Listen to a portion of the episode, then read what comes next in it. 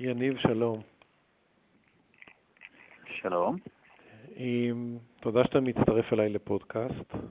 אנחנו עורכים מספר פודקאסטים עם נספחים כלכליים מסחריים בעולם, ואנחנו למעשה היום רוצים לדבר איתך על, על, על הפעילות שלך והרקע שלך, ואני אשמח אם אתה תוכל לספר לנו קצת על התחלת העבודה שלך, מה אתה עושה בימים אלה, ואז נגלוש לדיון כלכלי. בסדר גמור, אז uh, אני שמח להצטרף. שתי מילים על עצמי, אני בשלוש שנים האחרונות uh, אני חי בהנוי, אני הנספח המסחרי של מינהל סחר חוץ, משרד הכלכלה והתעשייה. אני כאן עם המשפחה שלי, עברנו לכאן עם ילדה אחת ונולדה לנו כאן עוד ילדה, אפילו הצלחנו להתרחב משפחתית. לפני כן עבדתי uh, מעל שנתיים במחלקת uh, הודו-סין, עשיתי את הנספחויות שלנו בהודו ובהונג קונג. לפני שהצטרפתי לשירות הציבורי עבדתי אה, בארנסטן יאנג, במחלקה הכלכלית, ואני גם רואה חשבון בהכשרה שלי. אז למעשה אתה עכשיו כבר שלוש שנים, אתה כבר ותיק ב... אה, בפעילות, אפשר להגיד, כבר צברת ניסיון, גם הבנתי שהיו הרבה שינויים גם בכלכלה, גם בתקופה שאתה היית. אבל הייתי רוצה קודם כל להתחיל, כי אני חושב למשקיעים ישראלים, או בכלל לישראלים, כמות הידע או המעקב שיש על המדינה היא מאוד, מאוד מוגבלת. ואני חושב שאחד הנתונים המפתיעים זה גודל האוכלוסייה. כמה המדינה הזאת היא סך הכל מדינה מאוד מאוד גדולה. אז אולי תספר לנו קצת רקע על, על גודל הכלכלה ומבנה המשטר והשלטון, לפני שנרד לממש נתונים כלכליים. כן, אז אני מסתכל על זה ככה, כשעברתי לפה היו 94 מיליון אה, תושבים, היום יש 97, יש, בגדול אפשר לומר שמיליון וייטנאמים אה, מצטרפים לעולמנו מדי שנה. המדינה 14 בגודלה בעולם, אה, ואם אנחנו מסתכלים על הכלכלה של וייטנאם, אז היא עדיין לא כלכלה מאוד גדולה. אה, כלומר, בהשוואה לישראל, במונחים נומינליים, זה רק שני שליש, פחות או יותר, מכלכלה, מהכלכלה של ישראל. אבל אה, אם המדינה תמשיך לצמוח אה, בקצב של 6.5-7% מהתוצר בשנה, ברור שתוך לא יותר מדי שנים היא תדביק את ישראל. כשמסתכלים על זה במונחים של שווי כוח קנייה, אז, אז וייטנאם היא, היא כבר כלכלה קצת יותר גדולה. אם אנחנו מסתכלים על תוצר לנפש, אז עדיין אנחנו מדברים במונחים נומינליים על סך הכל 2,700 דולר, דומה למדינה למשל כמו הודו, פחות או יותר. וייטנאם מבחינת שלטון היא מדינה אה, קומוניסטית, כלומר מפלגה קומוניסטית היא המפלגה השלטת, אין, אה, אין בחירות חופשיות במדינה.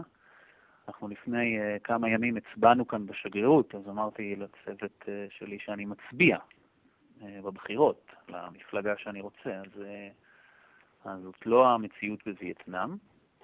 כל uh, המינויים הם בתוך המפלגה, uh, שממנה גם את הממשלה. המבנה הוא יחסית מורכב, אני לא אכנס לזה, אני רק אגיד שיש את האספה הלאומית, ה-National Assembly, שהיא מורכבת מ-500 או 498 חברים. בראש המדינה אה, אה, עומד הנשיא, אה, ראש הממשלה, ו... הוא מתחלף דרך אגב, או היו ראש הממשלה מתחלף, כן. רק אגיד שמעליהם, או, או מי שבעצם מתווה את המדיניות והוא הדמות הכי חשובה במדינה זה ראש המפלגה. שנה שעברה גם נפטר נשיא וייטנאם תוך כדי הקדנציה שלו, ומי שקיבל את הסמכויות שלו אה, היה, אה, היה אה, ראש המפלגה. כלומר, לא מינו נשיא חדש, והיום הסמכויות שלו, של נשיא וייטנאם, עברו לסמכויות של ראש המפלגה. אז ראש המפלגה בעצם מתווה את המדיניות, מתחתיו ראש הממשלה שמנהל את הממשלה, ויש אה, פרלמנט, גוף מחוקק. וכן, זה מתחלף. כל מספר שנים יש החלפה של שרים או, או גם ראשי מדינה. אבל הבחירות הן מתבצעות מתוך הממשלה עצמה, ולא בחירות אזרחיות. עד כמה השיח הציבורי הוא סביב נושאים כלכליים, עד כמה יש אג'נדה ברורה, מה בדיוק רוצים לקדם שם, ולמעשה, אולי אני אלך קודם, מה התהליכים הכלכליים שהמדינה הזאת עוברת מאז, בוא נגיד, המלחמה המפורסמת? כן, המדינה באמת עברה הרבה מאוד תהליכים. אה, אני חושב שזו באמת נקודה מעניינת להתחיל את ההסתכלות, היא, היא מתחילת שנות ה-80, אה, ולמה? כי, כי וייטנאם הייתה אחת מעשר המדינות הכי עניות בעולם, לפני פחות מ-40 שנה. היא הייתה מדינה שסועת קרבות ומלחמות, מבודדת ומוחרמת מהעולם. אני מזכיר רק למאזינים ש... שלא בדיוק מכירים את אה, השתלשלות האירועים הכרונולוגית, אז ב-75 אה, נגמרה מלחמת אה, וייטנאם המפורסמת, שנקראת כאן ה-American War. שנה אחרי זה בעצם דרום וייטנאם וצפון וייטנאם הפכו למדינה אחת, היה איחוד. ומאותו רגע בעצם הוחל שלטון קומוניסטי על, על כל המדינה.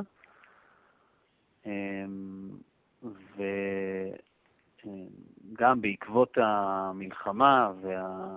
והעובדה שהמדינה הפכה להיות קומוניסטית, היא בודדה בעצם מהעולם המערבי והיה עליה אמברגו מלא. זה יחד עם האובדן הכלכלי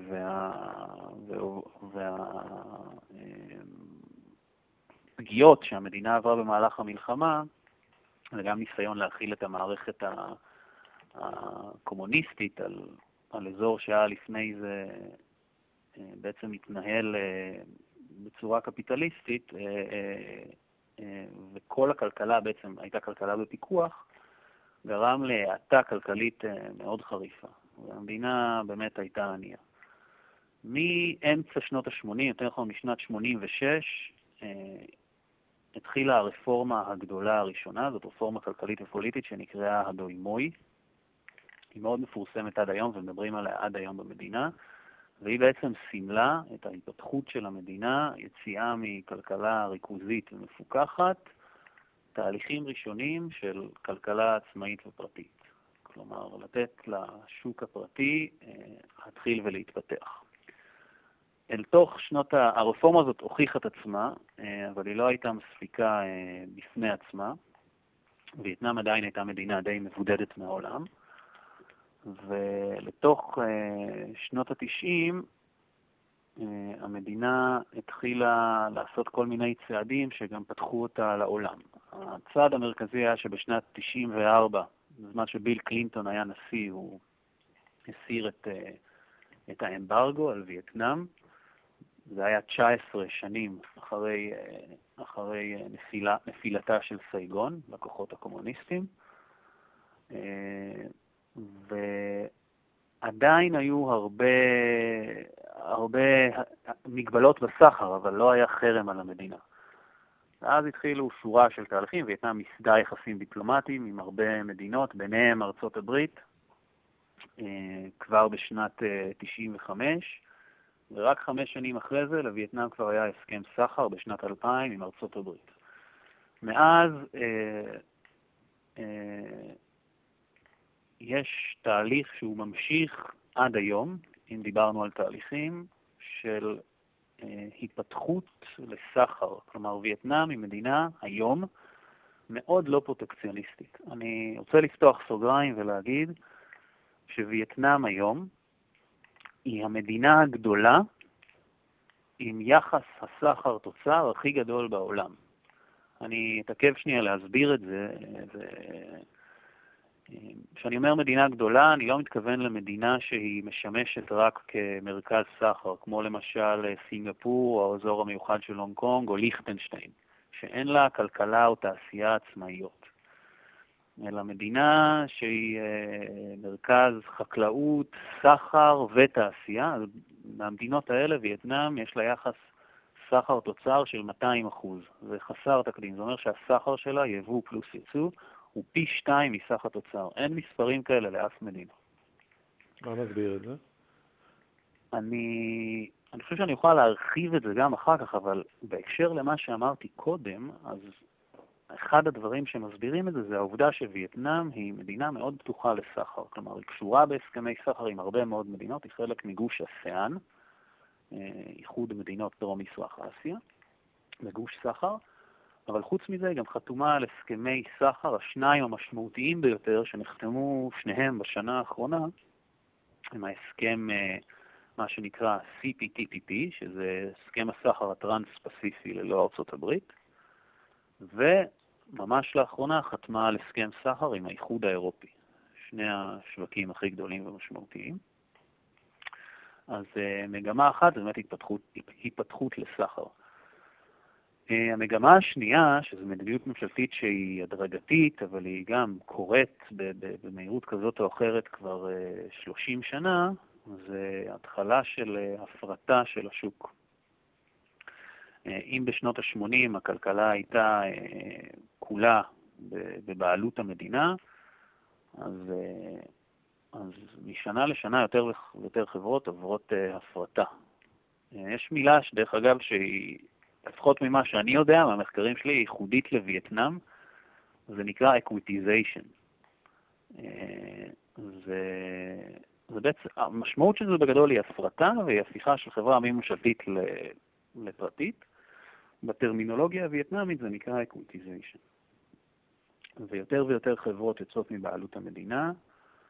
אה, עוד תהליך שקרה בהקשר הזה שהוא הובל על ידי מדיניות ממשלה, זה שהוקמה רשות ייעודית לפיקוח על חברות שעדיין בבעלות המדינה.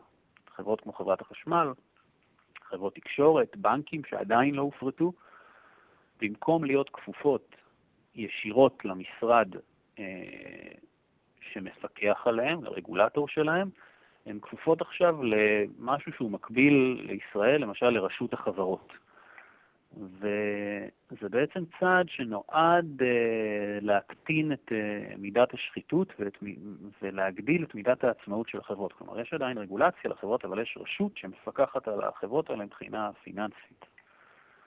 Um, אז אלה צעדים גדולים שקורים בווייטנאם ויכולים להסביר הרבה מהצמיחה שלה אם אנחנו מסתכלים על 30 או 30 פלוס שנים אחורה. עוד דבר בהקשר הזה של התפתחות לסחר, וייטנאם הצטרפה ב-2007 לארגון הסחר העולמי, אה, וזה גם אה, חלק משמעותי באינטגרציה שלה עם הכלכלה העולמית. כשמסתכלים אה, על התחושות, אני מדבר, מה הקשרים שיש לך עם הממשל או עם, או עם אנשי עסקים, ו...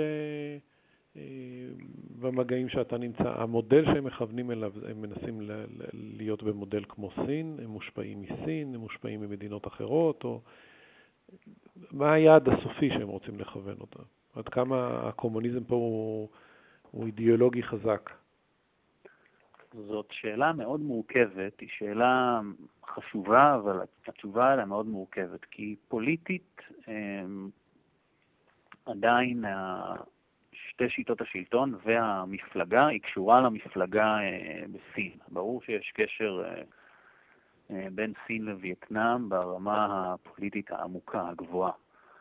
עם זאת, הסנטימנט בווייטנאם כלפי סין, או של, ה, של האיש ברחוב, הוא, הוא לא מאוד חיובי. כלומר, גם הכלכלות, הם, יש הרבה סחר עם סין, הרבה יחסי, היא היעד מספר אחד ליבוא וייצוא של וייטנאם, אבל היא לא משקיעה מאוד גדולה בווייטנאם. אמ, אז אה, המודל הכלכלי הוא, כן, אה, הוא ללא ספק אה, סין, כלומר שלטון קומוניסטי מאפיינים של כלכלה קפיטליסטית, שעדיין יש פיגור גדול, כמו שאתה מבין אולי גם מהדברים שאמרתי קודם על, על מידת הפיתוח של וייטנאם ועל התוצר, אמ, וייטנאם עדיין נמצאת מאחורה. אין בה תאגידים כל כך גדולים אה, פרטיים כמו בסין, אין איור כל כך גבוה כמו בסין. הממשלה, אני חושב שזאת לפחות גם התפיסה בציבור הרחב, למשל הישראלי, אנחנו יודעים שבסין מקבלים החלטה, יש רמת משילות מאוד גבוהה, הממשלה מקבלת החלטה, כמו מדיניות הילד האחד, או, או איור של אנשים, או, או, או העברה של אנשים לאזורים כדי לפתח את הפריפריה, אז בווייטנאם אפשר להגיד שהמגמות האלה הן פחות מורגשות או חלשות. גם מדינה יותר קטנה אולי ויותר קלה לניהול, בטח בהשוואה לסין. אבל uh, אם אני צריך להקביל את המודל הכלכלי, אז בהחלט סין היא, היא מודל. עכשיו, אם אנחנו מסתכלים על מודל uh, uh, או, או משהו לשאוף אליו, אז אני חושב שההשפעה הכי גדולה, גם מרגישים את זה כי זה משפיע על העסקים, גם על העולם, עולם הקמעונאות, אז דווקא המודל אולי של וייטנאם הוא מדינות כמו קוריאה ויפן, כלומר המדינות המתקדמות ש, של אסיה. וזה מתבטא גם בהשקעות הזרות. קוריאה ויפן הן המשקיעות הכי גדולות בווייטנאם. אה, שווה לציין את ההשקעה הזרה הכי גדולה שנעשתה בווייטנאם בהיסטוריה, וזה הקמתו של המפעל של סמסונג, שמייצר בעצם את הטלפונים הניידים שיש לבערך שליש מהישראלים. מיוצרים כאן, לא רחוק מהנוי. אה, אבל זאת רק השקעה אחת. ויפן וקוריאה הן המשקיעות הכי גדולות, הן גם מאוד מעורבות בעולם הקמעונאי של וייטנאם, נדבר על רשתות קניונים, רשתות קמעונאיות אחרות, מותגים, מוצרי צריכה. לא תראה פה דברים שמפרסמים בציבור כאילו made, in China כערובה לאיכות, אתה כן תראה made in Japan ו-made in קוריאה, זה ערובה לאיכות, לפחות אה, עבור הווייטנאמי המצוי, וזה מעניין. מה שאני מבין זה שמה שאתה אומר זה שדרום קוריאה ויפן הם המשקיעות הגדולות, הריאליות הגדולות, זאת אומרת, אתה מרגיש אותם נוכחים בכלכלה בצורה משמעותית. אני מבין יותר מאשר סין ומקומות אחרים. בהקשר הזה אני רוצה להבין, לא בטוח שאתה תדע לענות על זה, אבל האם כתוצאה מכל המלחמות סחר שיש כרגע, אה, שסין נמצאת במוקד, יש להם למעשה, זו מדינה שיכולה ליהנות מה, מהמלחמות האלה או, או יותר להיפגע? אמ, חושב דווקא שאני... איך הם חושבים על זה? בוא נגיד ככה, אם אתה יודע, איך הם כן, מסתכלים על מה שקורה? אני, אני אענה מהזווית שלי, אני מקווה שאני מייצג אה, נכונה את אה, מה שהווייטנאמים חושבים. אני בהחלט יכול לענות על זה, זה גם יקשר אותי למשהו ששאלת קודם על ה... למה נובעת האינטגרציה בכלכלה העולמית. אז uh, כמו שאמרתי לך, וייטנאם תמיד, uh, או לא תמיד, אבל אם מסתכלים על ה-15 שנה האחרונות, אז וייטנאם כבר הייתה ברמה מאוד גבוהה של אינטגרציה בכלכלה העולמית. בגלל מאפיינים נוספים של וייטנאם, היא הפכה גם במהלך השנים האחרונות, זה קשור למה שאמרתי קודם על ההשקעה הגדולה של סמסונג, ההשקעות הגדולות של יפן, אבל לא רק, היא הפכה להיות בעצם אה, חוליה אה, הכרחית בשרשרת האספקה העולמית. היא באמת נהייתה רצפת הייצור של אסיה, או רצפת הייצור של קוריאה ורצפת הייצור של יפן, וזה... ולווייטנאמים ברור שווייטנאם היא כזאת. עכשיו, זה נובע, אה, אמרתי לך, מהעובדה שלא מאוד מסובך לפתוח כאן מפעל, יש תמריצים חזקים של ממשלת וייטנאם לחברות להשקיע כאן. זאת מגמה שהתחילה עוד הרבה לפני מלחמת הסחר. זה נובע מהעובדה שווייטנאם, עם כל הצמיחה הגבוהה שלה, עדיין רמות השכר כאן נמוכות באופן יחסי למדינות אחרות באזור, אה, שעשירות ממנה, למשל תאילנד וסין ואינדונזיה. אה, ומלזיה ובטח קוריאה ויפן, ולכן הייצור כאן הוא זול באופן אה, יחסי מצד אחד. מצד שני, המדינה מספיק מתקדמת כדי לאפשר תנאי ייצור אה, או באיכות גבוהה יותר, למשל ממדינות שכנות כמו קמבודיה, מיינמר, לאוס, שהן פחות מדי מפותחות, נקרא לזה. אז אם אני, אם אני מתחבר למה ששאלת אותי, אז הווייטנאמים יודעים שזו, אה, שווייטנאם מאוד חזקה בייצור. עכשיו, תוסיף לזה את מלחמת הסחר שקורית בין הברית לסין, אמ, וזה שם את וייטנאם ביתרון הרבה יותר גדול. ואני מרגיש את המגמה הזאת, אה, מדברים עליה הרבה בווייטנאם, אני גם מרגיש אותה אישית, גם, אה, גם בהקשר של אה, הרצון הישראלי.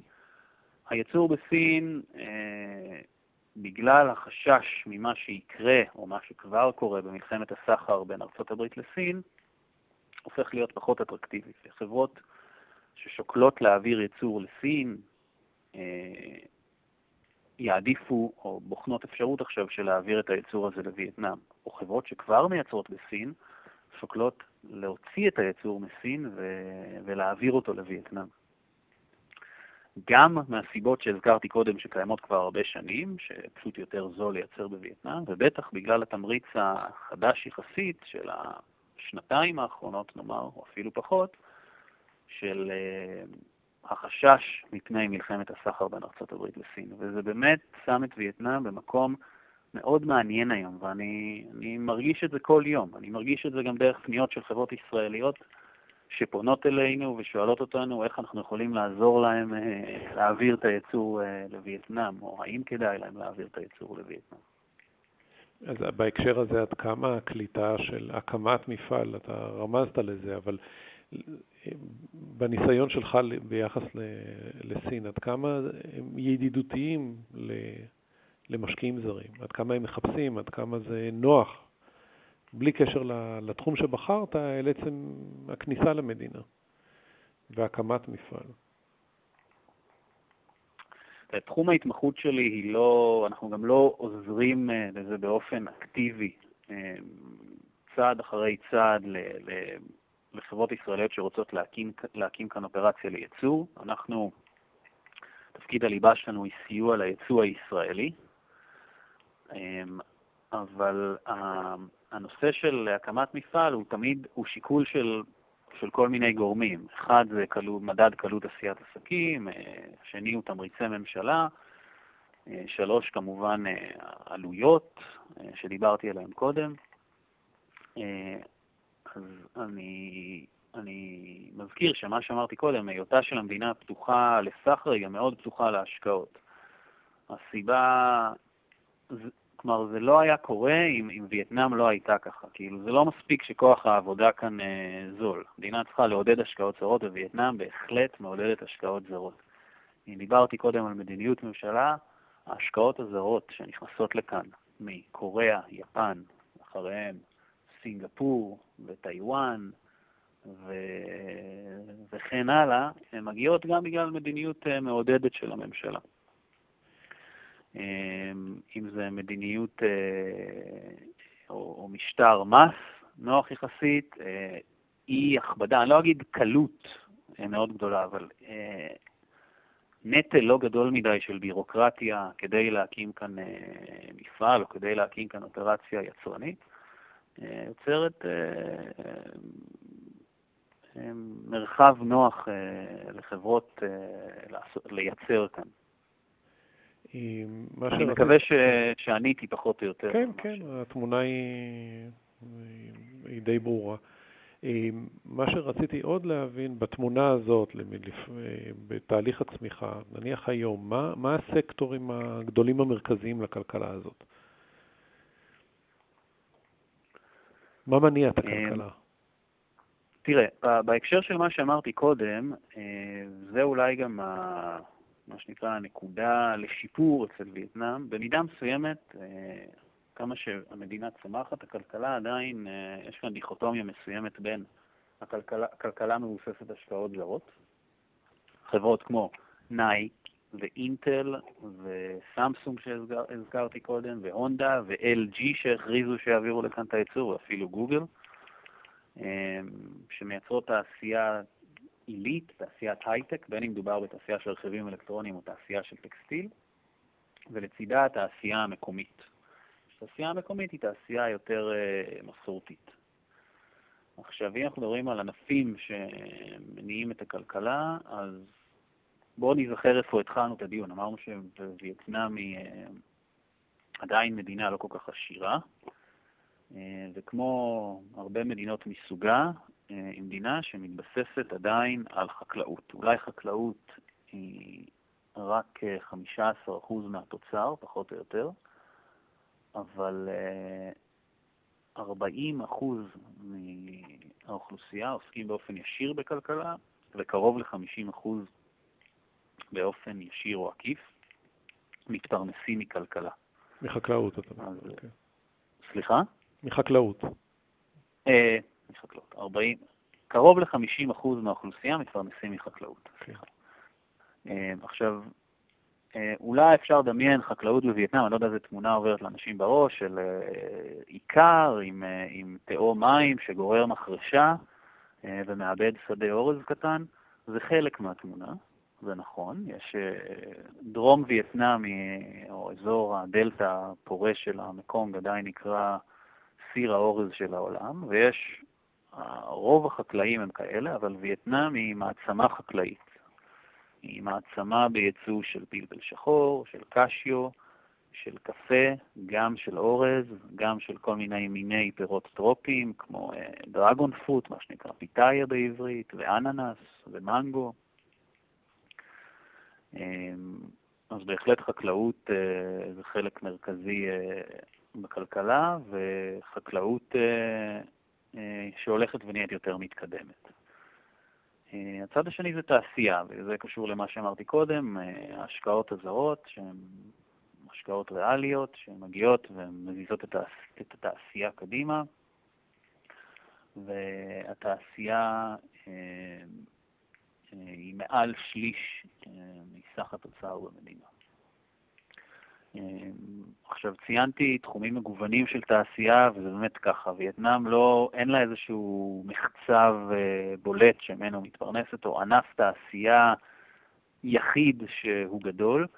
מבין ענפי התעשייה, גם אם זה לא ככה מבחינת תרומה לתוצר, ענף בהחלט משמעותי שדיברתי עליו זה טקסטיל והנעלה. גם בגלל חברות, בזכות חברות מקומיות וגם בזכות השקעות זרות. וחוץ מזה יש ענפים כמו פלסטיק, ברזל, ריהוט, תעשיית עץ, שהן גם מהוות חלק משמעותי מה, מהכלכלה במדינה. עד כמה התיירות היא פקטור? אנחנו מכירים את זה שהרבה ישראלים, זה יעד תיירותי מאוד אה, מבוקש, עד כמה זה משמעותי לכלכלה?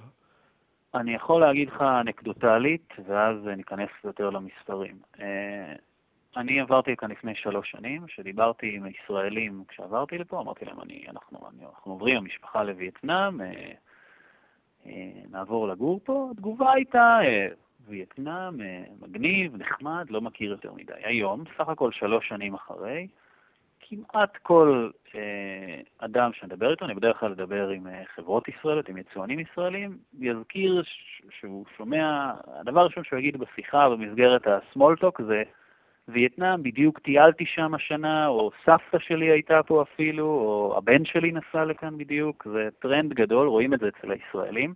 רואים את זה גם במספרים, התיירות של ישראלים אה, צומחת ב-25 עד 30 אחוז במונחים שנתיים. הגיעו לכאן אה, בערך 35 אלף ישראלים בשנה האחרונה, אה, וגם תיירים משאר העולם מגלים את וייטנאם. זה הולך ותופס נתח משמע, משמעותי יותר. האמת שאני לא סגור למספר המדויק, אני חושב שהוא עומד בערך על 13 או 14 מיליון תיירים. אה, בשנה בווייטנאם, זה אולי עדיין לא כמו ה-50 או ה-60 מיליון של תאילנד, אבל זה ענף מאוד צומח. אה, ו... ואם דיברתי על השקעות זרות, אז השקעות אה, סינגפוריות, יפניות, אירופאיות וגם ישראליות זורמות גם לתחום הנדל"ן ולא רק לתחום התעשייה. נדל"ן, אני מתכוון לתיירות, למשל. קמים פה מלונות, מלונות של רשתות אה, עולמיות, בעוד יעדים, מלונות חמישה כוכבים, ריזורטים. אה, זה משהו שמאוד ניכר גם לעין. אז עושה רושם שהגעת... ל... בהחלט בונה על תיירות. הגעת בתקופה מאוד מעניינת. ללא ספק. מעבר. ללא ספק. רואים ממש, רואים את השינוי הזה קורה מול העיניים. זה מאוד נחמד להיות חלק מתהליך כזה. רואים, אה, אתה מבין את המשמעות של מה זה מדינה מתפתחת, מה זה שוק מתפתח. אתה חושב, אה, אתה, אתה רגיל לבוא מ- מישראל, אבל אתה רואה שהערים נבנות ומתפתחות, ובכל זאת ישראל אה, זזה קדימה גם יחסית מהר, אבל כשאתה מדינה מתפתחת, אתה, אתה מבין מה זה, איך נראית בעיניים צמיחה של קרוב ל-7% בשנה. יניב, אני מאוד רוצה להודות לך, נתת לנו סקירה די מקיפה ועשית לנו מבוא מאוד נחמד לווייטנאם. ואנחנו נשמח לשמוע על התפתחויות בהמשך, גם בתפקידים הבאים שלך במקומות אחרים וגם אה, בהקשר להתפתחויות במדינה הזאת. תודה, תמיד שמחים להיות פה עבור התעשייה הישראלית, לא רק לתיירות, וייטנאם היא בהחלט מקום מעניין אה, עסקית ו... ואני באופן אישי חייב להגיד שאני מאוד אוהב את המדינה הזאת, מאוד אוהב את האנשים, וממליץ לכולם אה, להתנסות. אז תודה רבה שהזמנת אותי. תודה רבה. נשתמע. להתראות. ביי.